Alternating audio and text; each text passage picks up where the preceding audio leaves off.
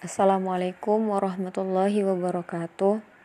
Saya Nisatul Mawfiroh, bisa dipanggil dengan Nisa. Di sini saya akan sharing dengan teman-teman terkait cantik. Bagi seorang Anissa, perempuan cantik itu bagaimana sih?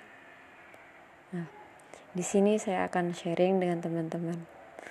Perempuan bisa dikatakan cantik adalah perempuan yang bisa menjaga diri, menjaga hati agar selalu terpaut dengan sang ilahi Robbi. Perempuan dikatakan cantik apabila dia bisa menjaga diri. Itu artinya baik secara fisik maupun batin dia bisa menjaga. Hmm.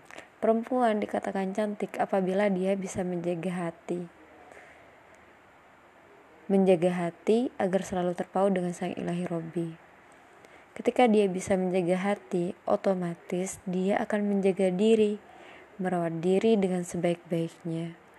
Dia akan tahu bagaimana dia harus berinteraksi dengan orang lain, bagaimana dia harus menjaga diri, bagaimana dia harus memperlakukan dirinya itu seperti apa. Dia akan tahu bagaimana dia harus beretika dengan yang menciptakannya bagaimana dia harus beretika dengan sesama manusia dia akan tahu Nah, ketika dia bisa menjaga hati, otomatis dia akan menjaga diri, merawat diri dengan sebaik-baiknya. Itu sebagai bentuk rasa syukur atas karunia-Nya.